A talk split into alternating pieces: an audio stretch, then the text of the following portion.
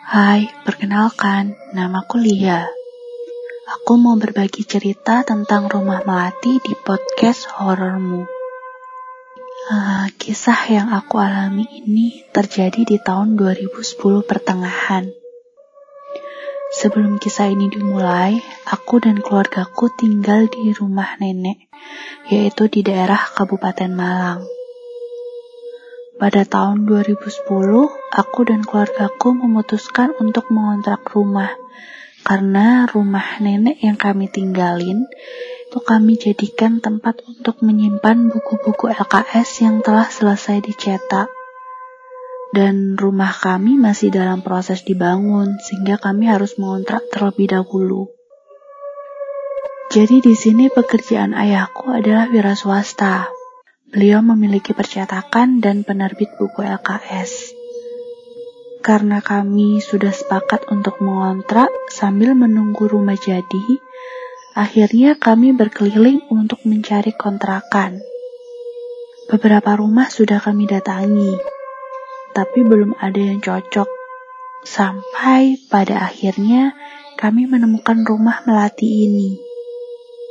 Waktu itu kami survei rumah melati dalam kondisi mendung gelap dan listriknya mati. Namun meskipun dengan kondisi yang seperti itu, ayah dan mamaku sangat cocok dengan rumah melati ini karena memang ukurannya yang sangat luas. Karena ayah dan mama sudah cocok, akhirnya kami putuskan untuk mengontrak rumah melati tersebut. Saya akan gambarkan dulu untuk denah rumah melati ini. Jadi di bagian depan ada ruang tamu yang berukuran sekitar 6 kali 4 meter. Kemudian setelah dari ruang tamu, di situ terdapat ruang keluarga dan terdapat empat kamar. Dari empat kamar itu, satu untuk kamar tidurku, satu lagi untuk adikku, dan ada kamar tidur utama, yaitu kamar tidur yang ada kamar mandi dalamnya, itu untuk ayah dan mamaku. Dan untuk satu kamar yang tersisa lagi, itu kami jadikan sebagai musola atau tempat sholat. Setelah dari ruang keluarga itu, ada pintu penghubung yaitu kalau kita keluar dari pintu itu akan menuju ke taman. Nah, di depan taman itu ada kamar. Ada dua kamar yang saling berhadapan. Yang satu kamar itu kami jadikan sebagai ruang makan.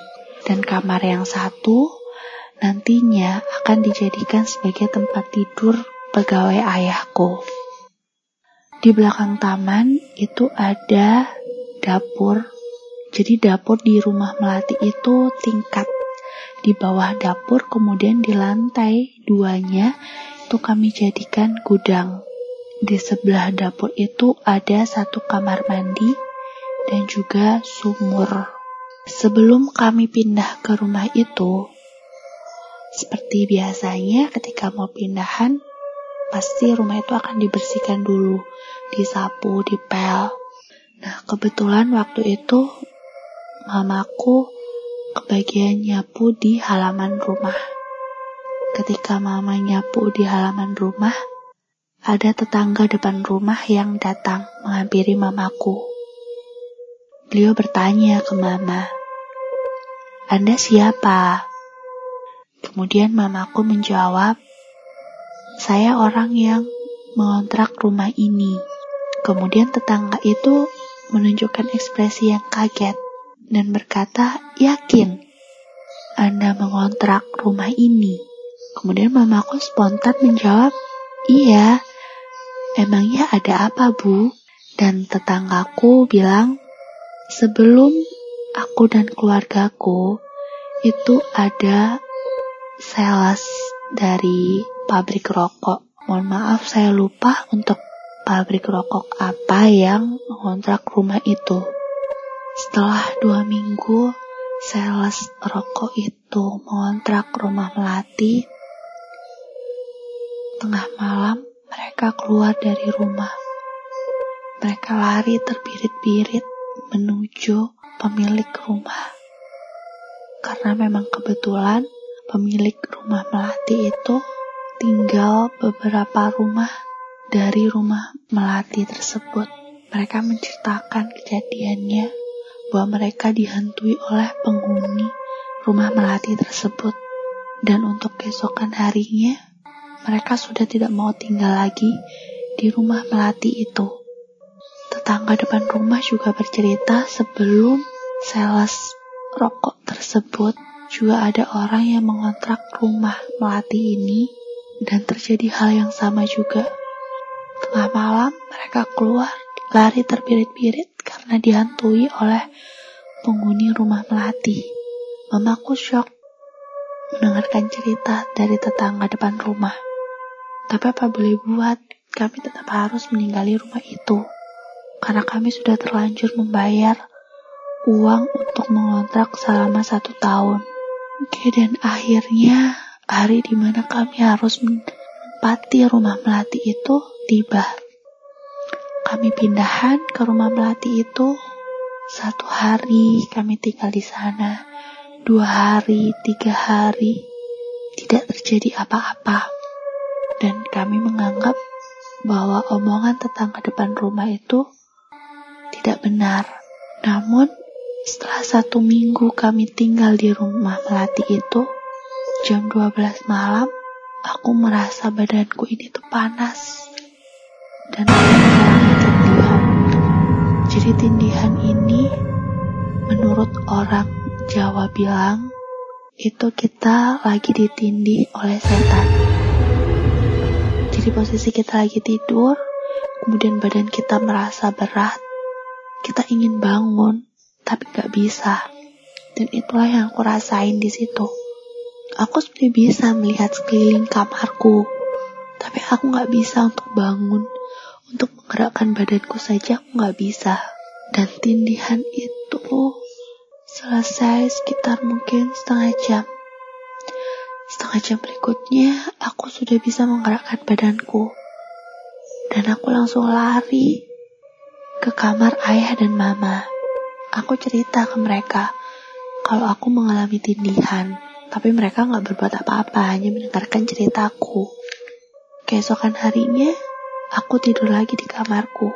Persis jam 12 malam lagi aku kebangun aku merasa badanku panas dan aku mengalami tindihan lagi. Setelah aku selesai tindihan, aku lari lagi ke kamar mama dan ayah. Aku ceritakan lagi, dan keesokan harinya di pojok-pojok tempat tidurku diberi garam oleh ayahku. Tapi aku udah gak berani lagi untuk tidur sendirian di situ. Akhirnya adikku juga ikut tidur di kamarku. Kami tidur berdua di situ. Namun setelah ayah ngasih garam di pojokan tempat tidurku, aku gak ngerasa panas lagi setiap jam 12 malam. Aku sudah tidur seperti biasanya. Aku ngerasa nyaman. Hari berikutnya, budeku datang ke rumahku.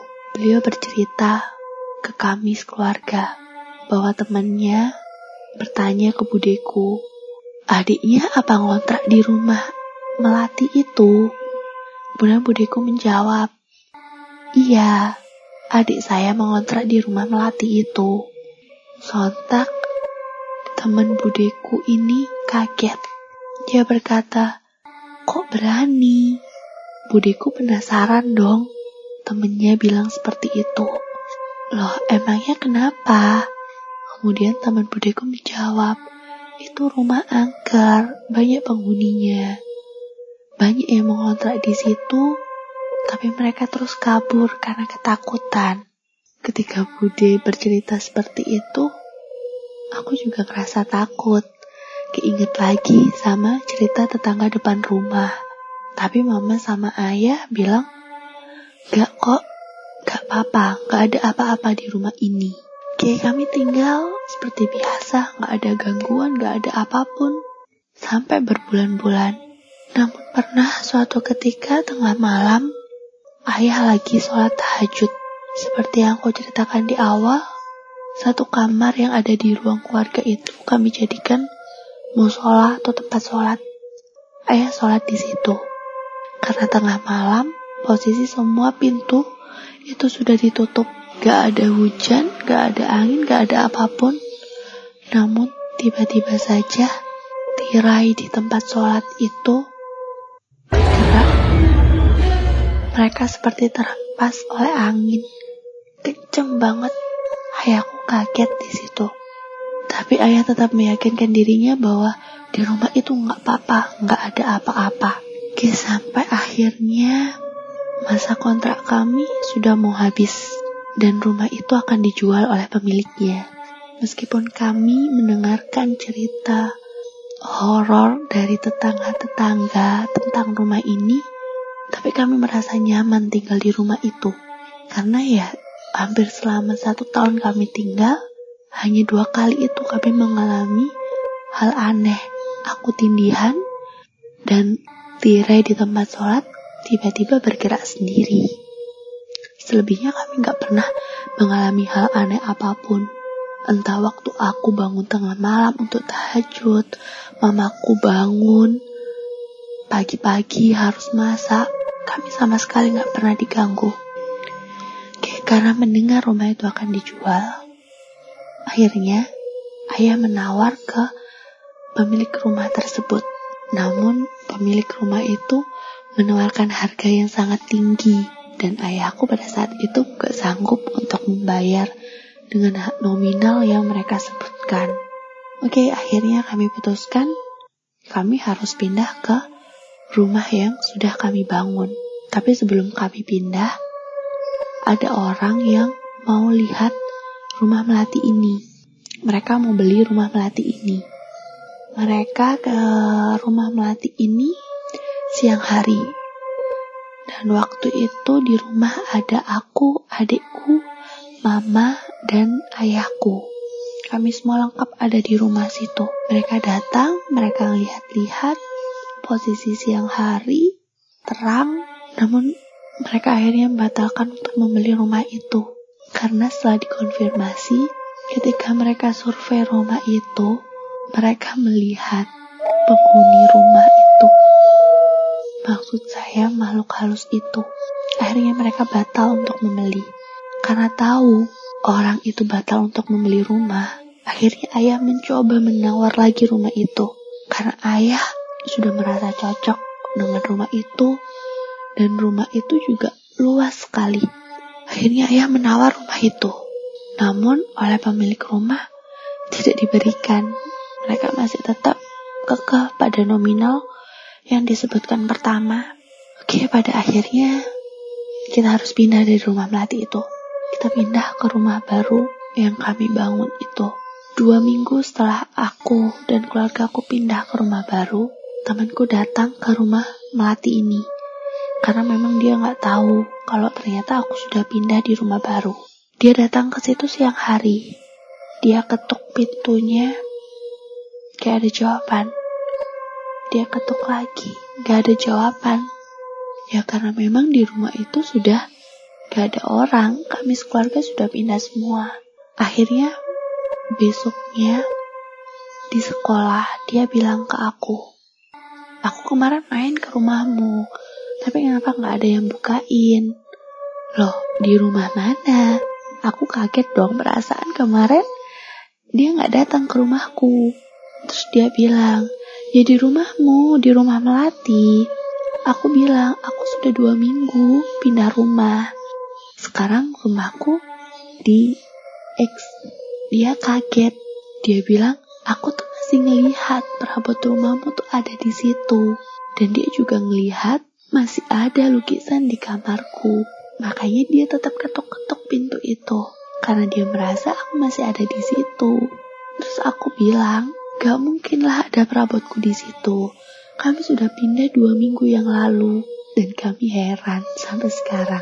Oke, setelah satu tahun, dua tahun, sampai akhirnya sekarang ini 10 tahun berlalu, ternyata rumah melati ini masih belum ada yang beli. Dan pada akhirnya, pemilik rumah itu sendirilah yang menempati rumah melati ini. Namun ternyata ketika pemilik rumah ini tinggal di situ, mereka juga sering sekali dihantui oleh penghuni rumah itu. Di sumur yang aku ceritakan tadi, mereka sering dengar suara anak menangis, merintih, dan mereka gak ada yang berani untuk tinggal sendirian di rumah itu meskipun pada siang hari. Mereka juga pernah melihat ada kepala menggelinding di rumah itu. Namun, kami masih bertanya-tanya. Selama satu tahun kami tinggal di situ, sama sekali kami gak pernah dilihatin hal yang seperti itu. Tapi menurut tetangga-tetangga, rumah itu memang angker. Rumah itu berpenghuni. Ada tetangga juga yang bilang, tengah malam ada suara orang menyapu. Dan itu sering banget. Ya, percaya tidak percaya, tapi itulah yang aku alami, itulah yang mereka alami. Oke, terima kasih banyak telah mendengarkan cerita tentang rumah melati ini dan semoga kita bisa bertemu lagi untuk mendengarkan kisah-kisah yang lainnya dari saya.